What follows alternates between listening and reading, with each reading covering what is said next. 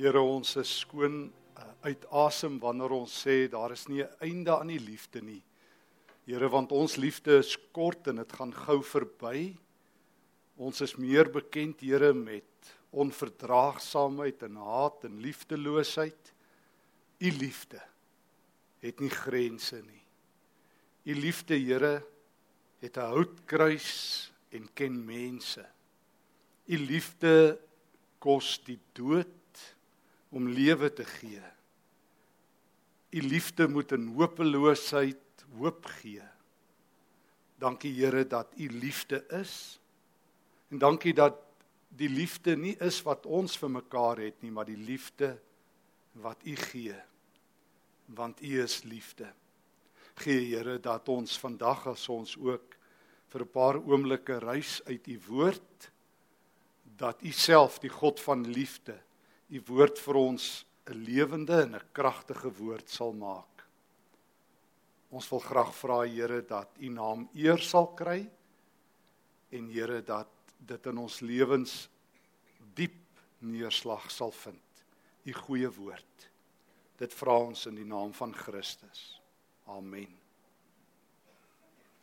Ek onthou die verhaaltjie wat ek erns een keer beskryf het wat nogal indruk op my gemaak het van twee kinders wat iemand my jare terug van vertel het van um, die ouetjie se ma wat in 'n kinderhuis gewerk het. In die aand was daar swaar donderweer en toe stap die matrone so deur die koshuis en sy sien toe in die een seunskamer dat die een ouetjie onder die bed wegkruip terwyl die donderweer slaan en die ander ouetjie in die venster sit. En toe sê die ouetjie onder die bed uithaal toe sê hy tannie die Here is baie kwaai vanaand. En die ander ouetjie sê tannie die Here neem fotos vanaand. Ek lees in die afgelope week in die Engelse koerant die Independent dat ehm um, hulle sê russe, die Russiese ouens, glimlag nie. Dit word as 'n slegte karaktereienskap beskou om te glimlag in Rusland. Ek lees verlede week dat die Duitsers besluit het daar's nou 'n derde geslag. Jy's nou of manlik of vroulik of soos hulle eie taal sê, die vir julle wat Duits ken, daar's ook nou onsuidig. Jy kan nou kies of jy letterlik of jy nie meer 'n man of 'n vrou wil wees nie, dan kan jy jou eie geslag kies. Al hierdie soort dinge, hoe mens na God kyk, hoe jy selfs 'n volk kyk na of jy lag of nie, uh oor hoe mense oor geslag dink het te maak met die groot woord wat ons noem 'n wêreldbeskouing, 'n wêreldbeeld. Ons almal het dit of ten minste stukke daarvan. Hoe jy dink oor tyd. Hoe jy dink oor God. Hoe jy dink beeld wat jy handhaaf. Ek meen as jy 'n vegetariër of 'n vegan is, is dit 'n wêreldbeeld wat jy handhaaf. Hoe jy dink oor die natuur, hoe jy dink oor alles word bepaal vanuit 'n sekere groot woord realiteitsbeskouing. En as jy dit nie weet nie en as jy nie baie mooi gedink het oor jou eie wêreldbeskouing nie, het die wêreld planne om vir jou ene te gee in 2019. Die media sal vir jou ene gee. Die koerante sal vir jou ene gee. Jou Facebook sal vir jou ene gee. Sosiale media sal vir jou ene gee. Die politici staan reg om vir jou 'n klomp te gee wat hulle nie self weet nie ensovoorts ensovoorts. So die vraag is vir oggend hoe lyk 'n Christen se algemene wêreldbeeld?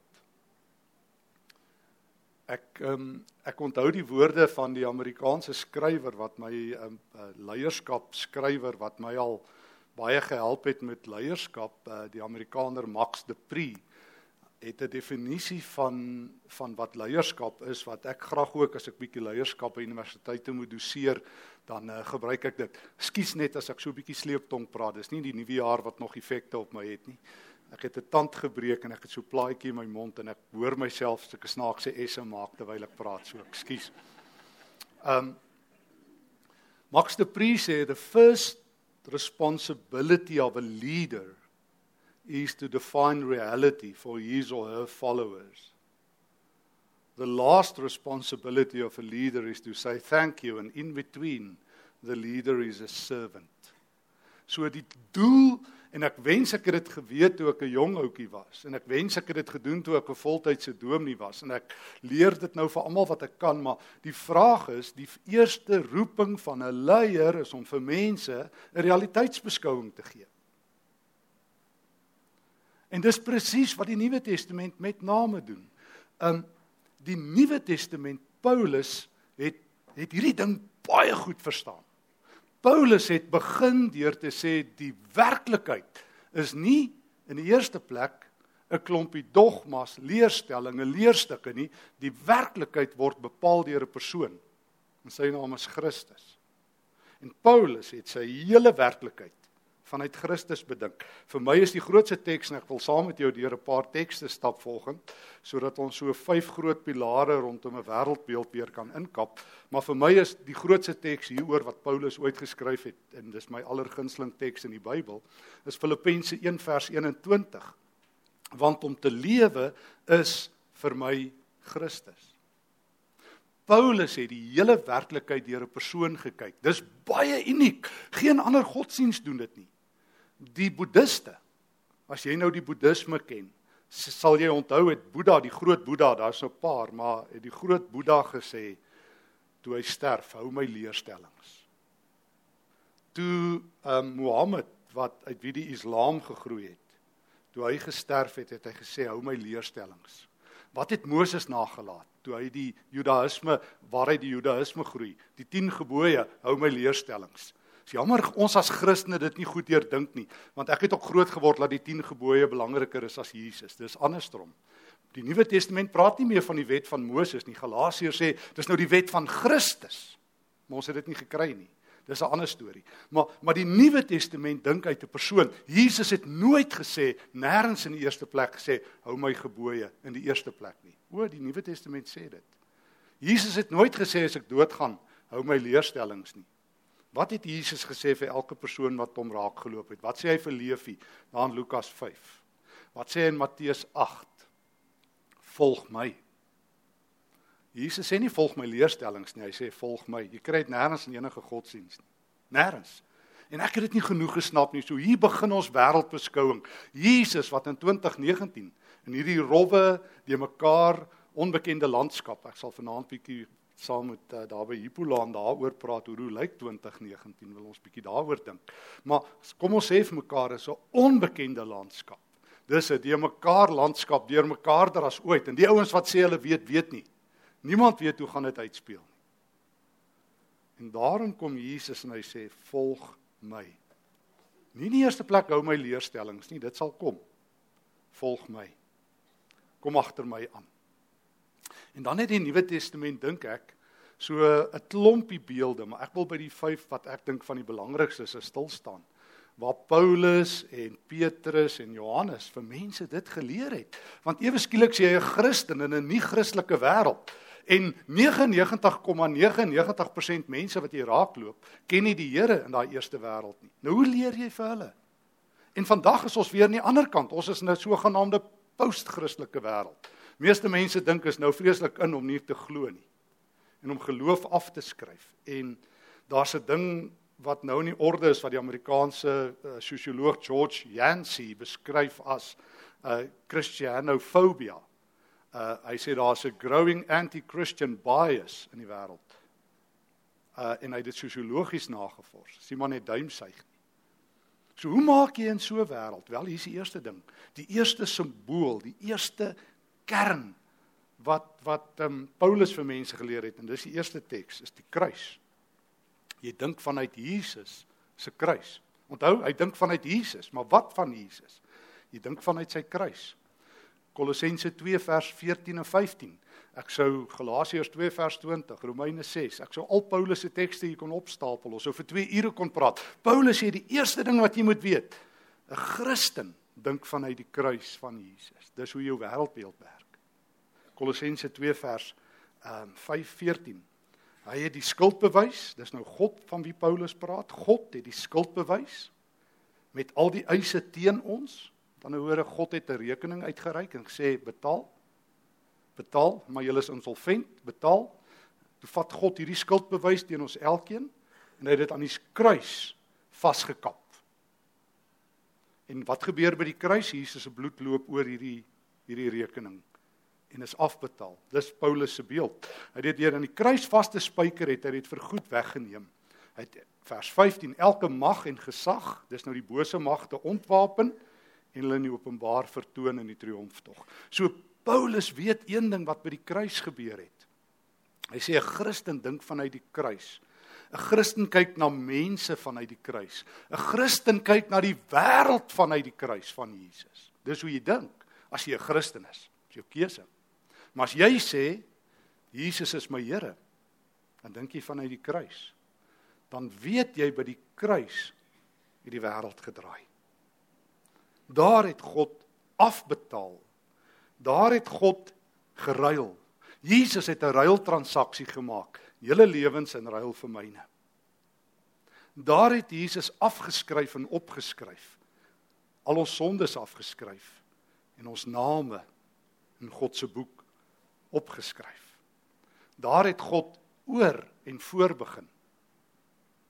Die kruis. As ek die kruis verstaan. En as ek reg oor die kruis dink, weet ek my lewe het gedraai by die kruis. Dis hoekom Paulus in Galasiërs 2 vers 20 kan sê ek is 'n gekruisigde. Want hy dink vanuit die kruis. Dis nie net mooi taal nie. Dis nie net 'n mooi Bybelversie wat hy aanstuur en sê sit dit op Facebook en share dit en almal gaan daarvan hou en vir jou 'n klomp likes gee nie. Hy dink vanuit die kruis. As hy vir die Korintiërs skryf in 1 Korintiërs 2 vers 1, dan sê hy ek het my voorgenem as ek daar by julle is om niks anders te weet as Christus en hom as die gekruisigde nie. Hy skryf vir daai Galasiërs wat nou weer in die verskriklikste wettisisme vasval en wette hou en Joodse gebruike hou en hulle besny en shofars blaas in die lot. Hy sê vir hulle ouens, ek het Christus aan julle gepreek asof julle hom aan die kruis kon sien hang. Wat het fout gegaan? Hoe het julle Christus gelos? So hier is waar jy 2019 begin by die kruis. En as iemand vir jou vra wie is jy? Ek is 'n gekruisigde. Omdat ek self Stefan dit nie altyd verstaan het nie. As ouens vir my vra wie is ek, dan vertel ek vir hulle wat ek doen, dan dink hulle, "Sjoe." Dan vertel ek vir hulle my CV, dan moet ek hulle nou kwansuis beïndruk. Nie waar nie? Wil julle weet wie ek is? My CV. As jy vir Paulus gevra het, "Paulus, wie is jy?" Sê ook sy gekruisigde. Ek leef nie meer nie. Want Paulus het dit verstaan, dit was sy wêreldbeeld. Hy het uit die kruis uit gedink. Hy het nie gedink uit sy prestasie wat hy bereik het al sy matriekuitslae hoe belangrik dit ook al is en uh Paulus het nie vir almal gesê jy weet daai ou gaan dit nog ver bring omdat hy 9 A's gehad het of wat nie. Um Paulus het sê hy gaan dit nog ver bring omdat hy gekruisigd is. Hy gaan dit bring tot in die hemel. Dis nogal ver. So Paulus het uit die kruis gedink.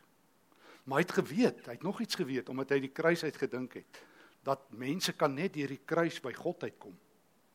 So as ek dit verstaan, dan weet ek vandag om te praat in hierdie hele wêreld waar daar 200 000 godsdienste op 'n dag op my afstorm.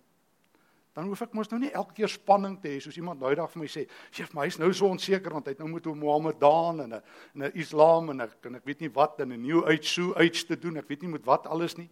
Ek sê, "Maar dink uit die kruis uit. Ontspan. Ontspan. En kyk na die kruis. Daar lê jou veiligheid." Ek is 'n gekruisigde. Ek het al hoeveel keer verwys, maar hierdie storie het my so aangegryp van 'n persoon wat in die Tweede Wêreldoorlog um, 'n sendeling was. En na die Tweede Wêreldoorlog loop sy iemand raak wat in Auschwitz was. En die Auschwitz persoon sê vir haar: "Ek kan nie in God glo nie, want ek was in Auschwitz. Kyk hoe wreed is mense." Wat antwoord sy? "Ek kan in God glo want ek was by Golgotha. Ek is 'n gekruisigde." Dan kan jy in Suid-Afrika en in waar jy ook al bly leef want jy's 'n gekruisigde want jy dink vanuit die kruis. Dan kan jy nog 'n vraag antwoord, die vraag wat ek ek belowe julle, gaan nie 'n week in my lewe verby wat ek nie hierdie vraag kry nie. Die afgelope week weer. Hoe kan God liefde wees? Iemand skryf my, hoe kan God 'n God van liefde wees as ek nie gekies het om gebore te word nie? Dan gooi hy my nog in die hel as ek nie hom glo nie. Ek sê, "Sjoe, ek ken ook nie daai God nie. Ek kan jou nie help nie." Want dit klink vir my so Zeus maar ek kan jou vertel omdat ek 'n wêreldbeskouing het en gaan dink het oor my wêreldbeeld. Ek glo nie net alles wat op die mark kom nie. Ek glo nie net elke preek wat verbykom nie. Ek is nie soos soos 'n vrugteslaai wat jy elke vrug nog kan ingooi nie. Ek is nie soos 'n taxi wat daar plek is vir nog 'n dwaling nie. Ek het gaan dink en uit die Bybel uit gaan dink oor wat's my wêreldbeeld. En vir my gaan dit oor Christus. En as iemand nou vir my sê God is nie liefde nie, dan sê ek Klink vir my jy dink aan Zeus. Dink vir my jy klink vir my dink aan Allah. My God, kan ek jou vertel hoe dink my God oor liefde? Kan ek vir hom sê 1 Johannes 4 vers 10? Ware liefde is nie die liefde wat ek vir God het nie, maar die liefde wat hy vir ons het deur sy eie seun te gee. Ek sê o, as jy oor my God wil praat, moet ek jou eers leer wie is hy? Jy dink aan God, so generiese Hollywood God, teen wie Hollywood is of maar my God is die God van liefde. As jy wil weet wie is hy, kyk na Golgotha. As jy wil weet wat doen hy, kyk na Jesus. As jy wil sien wat het hy met my gedoen? Jo, my lewe was op 'n doodloopstraat, Efesiërs 2. Ek was bankrot in my sonde. Maar God, Efesiërs 2 vers 4, is ryk in barmhartigheid en hy het my innig lief. Hoe weet ek dit? Daar staan 'n houtkruis. Nou die dag vra iemand vir my, "Hoe kan ek regtig seker wees?" Sê ek, "O my wêreldbeeld is duidelik. Ek weet dit, hy sê ja want hy's nou op pad om te sterwe en hy moet God in die oë kyk." Ek sê, "Maar as jy daar by God kom en God vra vir jou, "Ken ek jou?" Sê ek, "U behoort my te ken want ek ken vir Jesus." Daar het hy betaal, daar onthou jy, daar het hy die skuldbewys afgeskryf. Dis hoe 'n wêreldbeeld behoort te werk. Jy dink vanuit Jesus. Jy dink vanuit die kruis. So dis ons eerste belangrike simbool is die kruis. Tweede belangrike simbool wat die Nuwe Testament deel. 'n Troon, wil ek sê. 'n Troon.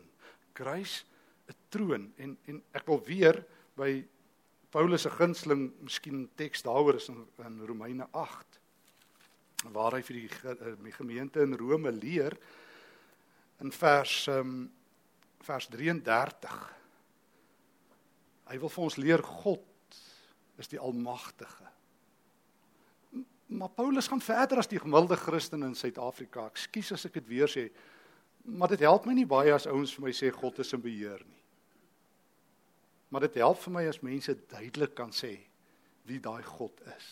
Want om net te sê God is in beheer, dit sê al die godsdienste. Die die, die Hindu sê dit van hulle gode, die ouens sê dit van Allah. Trouwens, dis een van die standaard uitsprake in Mohammedanisme. Inshallah, God is in beheer. Of die noodlot glo dit. En nou die dag kyk ek en my vrou weer 'n ou fliek Serendipity wat ook al. Dit dit gaan oor noodlot. Meeste mense glo nie noodlot. Wat moet gebeur sal gebeur. Meeste Christene glo dit lyk vir my. Maar as jy uit die Nuwe Testament uit dink, kan jy nie so dink nie. Dink nie aan nood. God is nie 'n noodlot God nie. Dis 'n Griekse god. Dit is dit is Zeus en sy godinne, die Moirae. Hulle is die noodlotsgode. Maar die God van die Bybel gaan kyk 'n bietjie hoe sit hy op sy troon en wat doen hy daar? Romeine 8 vers 33. Vers 31. Moet ek ook lees. God is vir ons. Wie kan teen ons wees? Dis my God. Op sy troon is hy vir my. Het hy kant gekies? Is hy partydig?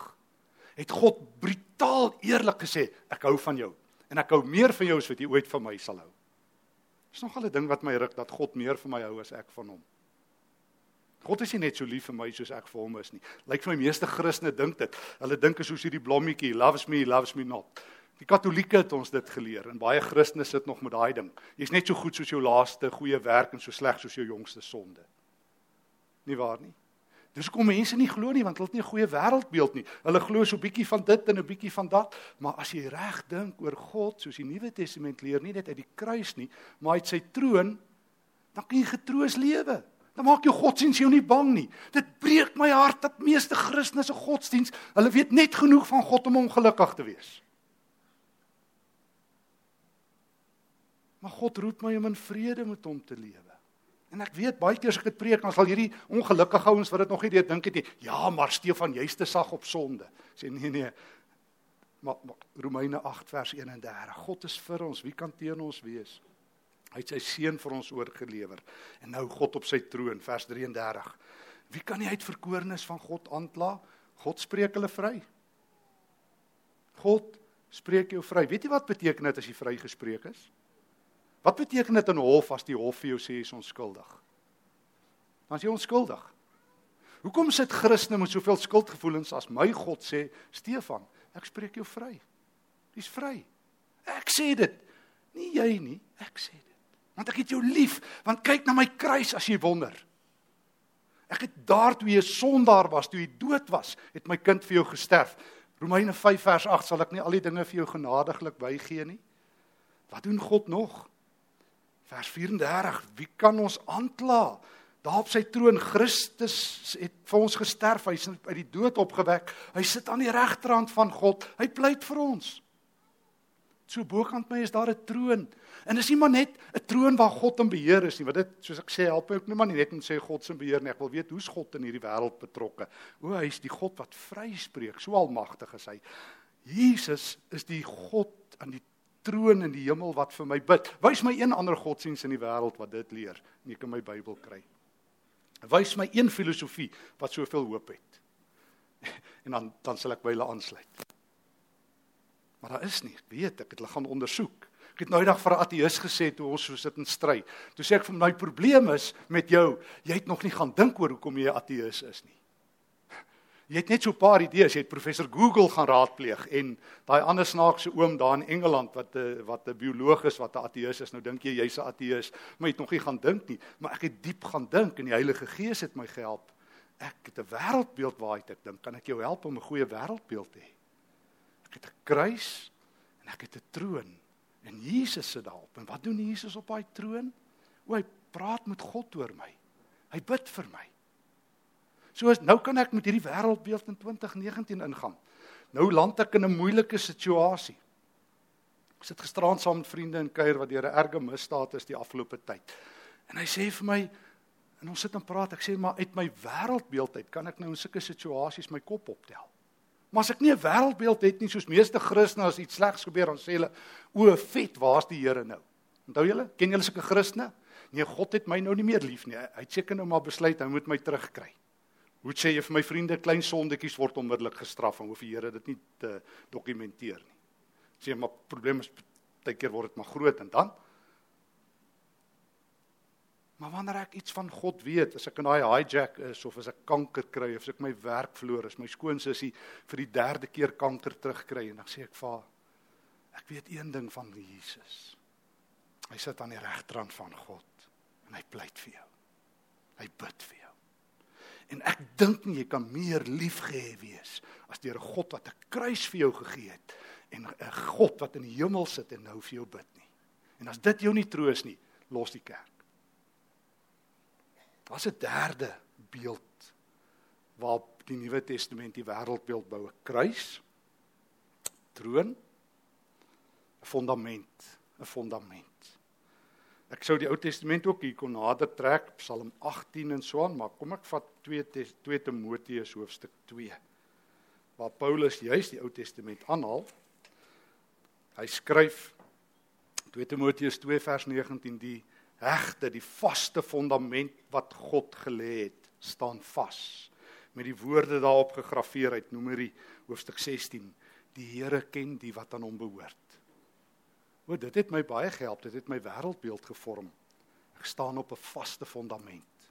Psalm 18, Psalm 22 skryf Dawid: Die Here is die rots wat nooit wankel nie. God is vas in jou lewe. Jy kan jou lewe op God sit. Ek staan op 'n fondament. Ek staan op 'n fondament. So die kruis van Christus is by my. Die troon van God is 'n genadige God.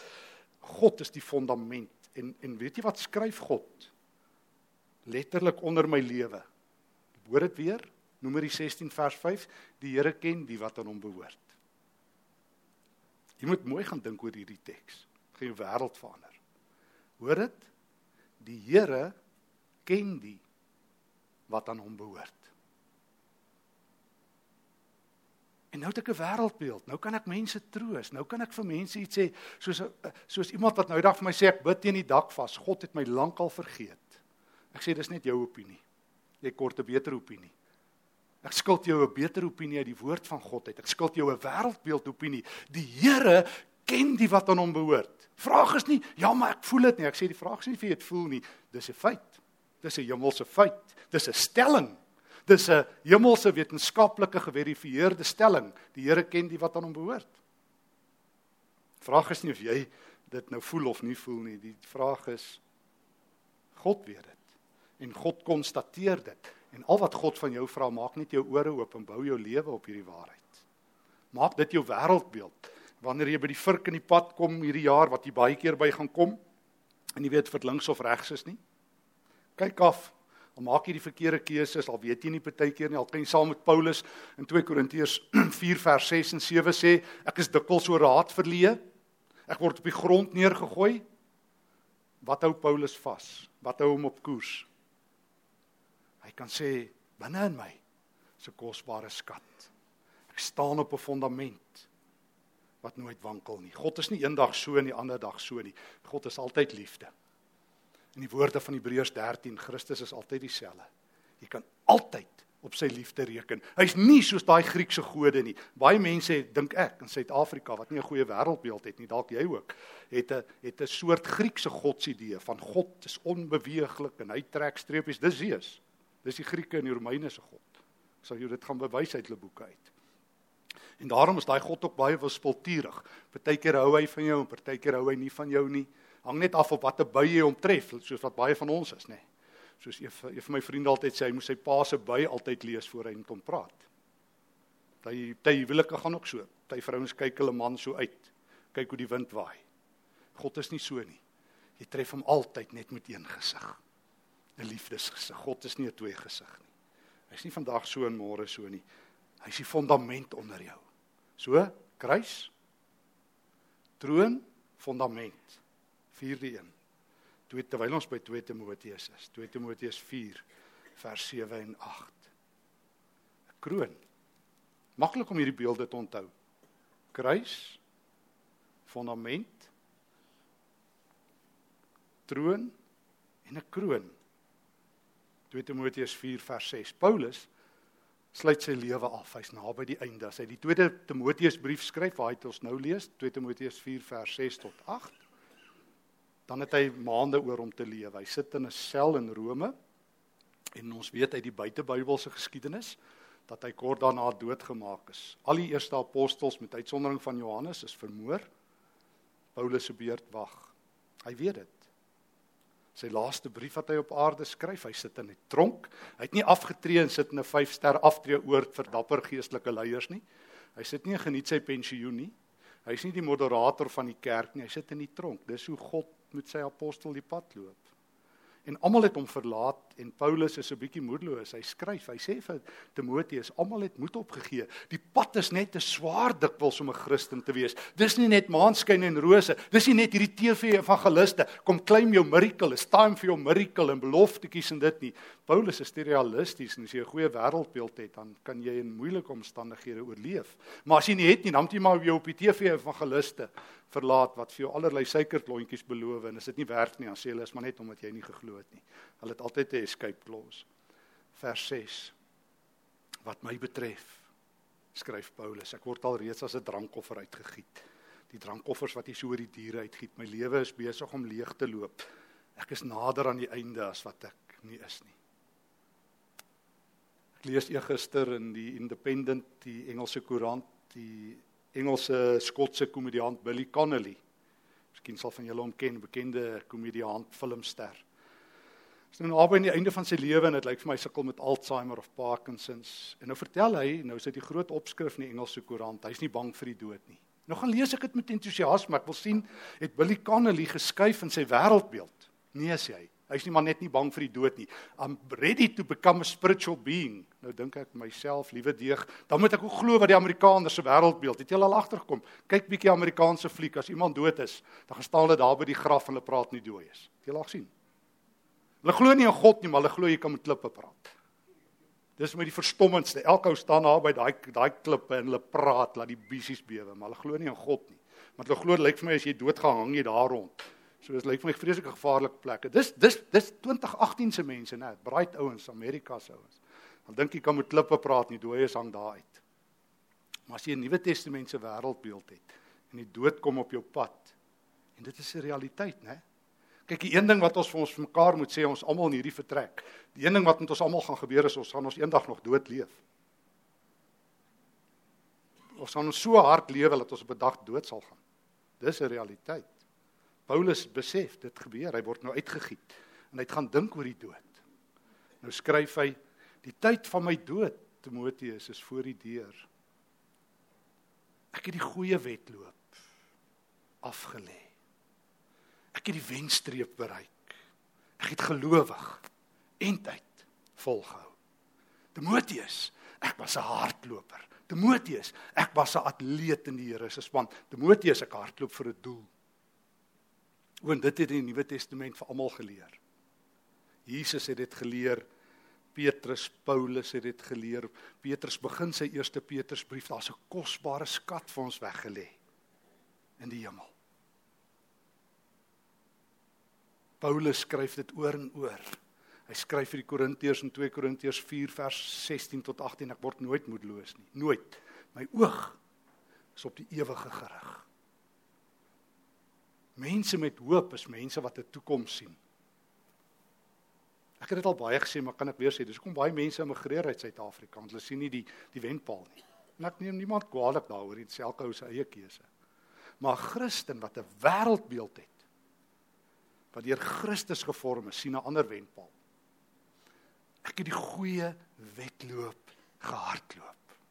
Ek het volgehou tot die einde. O, die kuns van geloof is nie hoe jy wegspring nie, hoe belangrik dit is, maar hoe jy klaar maak. Ek ken baie mense wat groot gelowiges geword het en opgehou glo het. Vir my is die enkele seerste ding wat ek ooit beleef elke jaar wanneer ek met ekspredikante te doen het en ekspastore wat hulle geloof verloor het.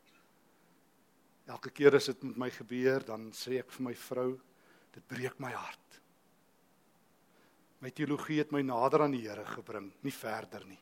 Maar ek sien so baie mense as hulle te slim raak vir hulle eie neuse dat hulle God verloor en sinies raak en hard en dood en koud maak. Sien dit met baie ander mense ook soos iemand vir my eendag skrywe Stefan ag ek kry so jammer jy en al daai ou kerkmense glo maar julle ou laaste paar suikerklontjies sê ek nee dis reg maar my hart breek ook vir jou harde hart vir jou klipharde hart want geen chirurgie kan dit meer regkry nie.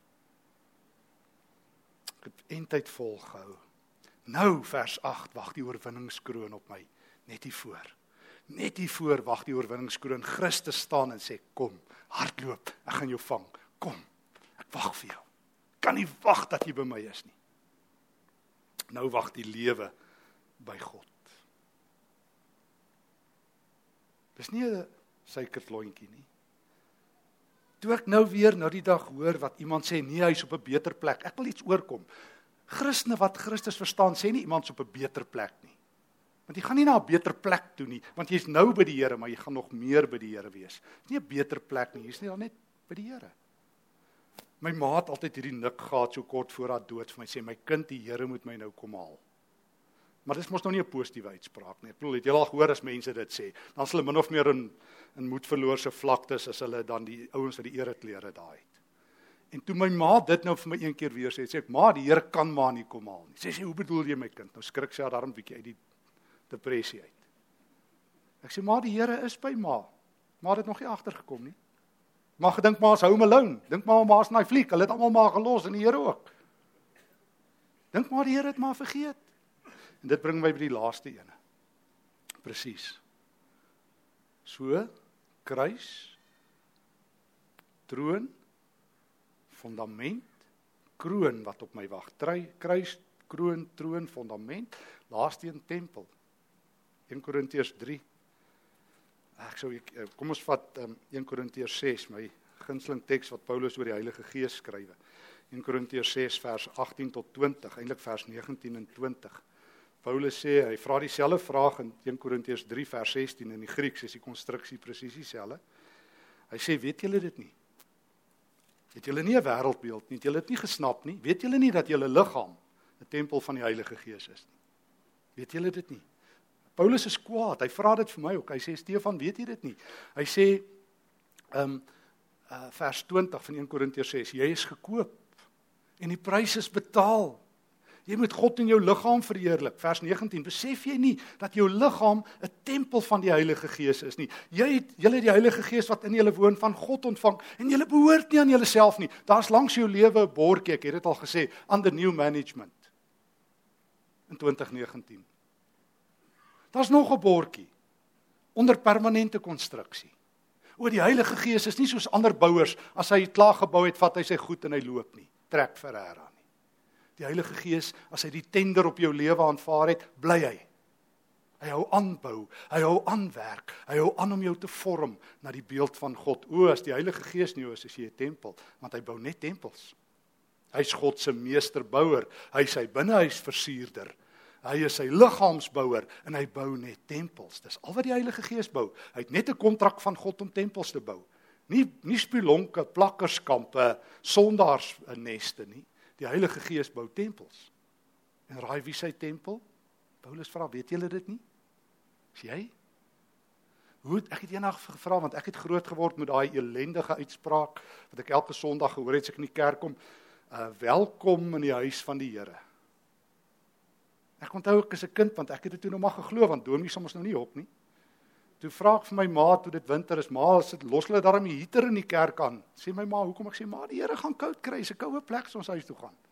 Sy sê, "Hy my kind," ek sê, "Ma, maar die dominee leer my, dis die Here se huis." Wat moet ek nou sê?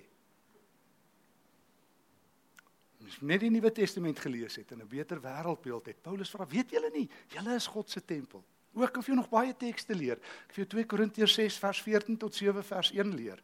Ek vir jou Romeine 8 vers 9 leer. Ek kan vir jou Efesiërs 2 vers 11 tot 22 leer waar Paulus dit oor en oor sê, God bly nou in mense. En dit maak my vry as ek dit weet. Dan weet ek mos nou, kom ons nou nie met hierdie lyf doen wat ek wil nie. Dit is mos nou God se. Soos ek al gesê het, ek dink hier ook, as ek nou van iemand wil skinder en dan dan kan ek mos nou nie, dan moet ek eers vir die Here vra, Here, kan ek vir my bure skinder? En die Here sê nee. Dan moet ek vir my buurvrou sê ek wou maar kan nie. Nee, jy moet nie dit doen nie. Maar maar ek kan nie met my tong doen wat ek wil nie. Ek kan nie met hierdie lyf doen wat ek wil nie. Ek kan nie met hierdie kop dink wat ek wil nie. Ek kan nie met hierdie hande doen wat ek wil nie. Dis God se sinne. En as almal in Suid-Afrika oor die stopstrate ry en rassisties is en mekaar verneder en beklei, dan sê die Here, jy's nie almal nie. As dit was, was jou naam almal. Jy's nie almal nie. Jy's my kind. Ek roep jou tot 'n hoër standaard. Ek roep jou tot my standaard. Jy bely jy volg my standaard. Volg dit. The first task of a leader is to define reality for his or her followers. The last task is to say thank you. In between, the leader is a servant. Nou het ons almal die Here se wêreldbeeld, 'n kruis. O, God het my by die kruis ontmoet. Dis die enigste plek waar hy my kan ontmoet. Dis die enigste plek waar hy my kan vind. Dis die enigste plek waar hy my wil hê. O, God is die almagtige wat alle mag in hemel op aarde het, maar hy's 'n spesiale God. Hy skryf af. Jesus bid vir my. Grootste gebed sien wat ek bid in 2019 nie. Jesus. O ek staan op 'n fondament wat sê die Here ken die wat aan hom behoort. Altyd God weet, hy het my GPS, hy weet 24/7 365/12 waar ek is. Ek is nooit van sy radarskerm af nie. Voor my is daar 'n is daar 'n wenpaal. Wag daar 'n kroon vir my. Waarom kan ek in hierdie wêreld met hoop lewe? En ek is 'n tempel. In 2 Korintiërs 3 vers 18 gaan hierdie jaar waar word van my wat wat Paulus sê die Heilige Gees verander my van heerlikheid tot heerlikheid. So daar wag 'n goeie jaar vir jou voor as jy 'n Christen is. Die Here het planne vir jou. Goeie planne. Hy wil jou verander om al hoe meer na sy beeld te wees. So elke preek wat jy hierdie jaar gaan hoor is vir jou bedoel, nie vir jou bure nie of vir jou man of jou vrou nie vir jou. Elke keer as jy die Bybel lees, is dit nie vir ander mense bedoel nie. Die Here wil nie die kerk regryk nie, hy wil jou verander. Jy vir my gunsteling, daarmee sluit ek af, jy vir my gunsteling uh slagspreuke wat ek ooit gelees het toe ek eendag in Amerika was. Was van 'n Amerikaanse olie, Jiffy Lube, wat sê we don't want to change the world, we just want to change your oil. Die Here wil nie jy moet die wêreld verander nie, hy wil net jou hart verander. Weet jy wat? dan sal die wêreld verander. Want agter jou staan 'n kruis. Onder jou staan 'n fondasie van God. Bokant jou is daar 'n troon in die hemel. Voor jou wag 'n kroon en jy is 'n tempel van die Here. Gaan leef uit hierdie wêreldbeeld en jy sal die hemele oop sien. Amen. Here, dankie vir u woord. Dankie dat u woord duidelik is en helder. Ekskuus Here as ek so die mekaar wêreldbeeld het. Leer my om reg oor U te dink en reg te glo en reg te lewe. Ek kom skuil by die kruis, U kruis. Ek kom staan daar as my veilige vesting. Dankie Here dat as ek opkyk, daar bokant my 'n troon van genade is. Dankie Here dat U die almagtige is wat alles in die handpalm vashou, alles in hemel en op aarde. Dankie Here dat onder my 'n fondament, 'n stewige rots is. Dankie dat U my ken. Dankie Here dat voor my daar 'n kroon wag leer my om die wedren hierdie jaar te hardloop. Dankie dat U besig is om my te verander in 'n tempel van God. Ek prys U naam. Amen.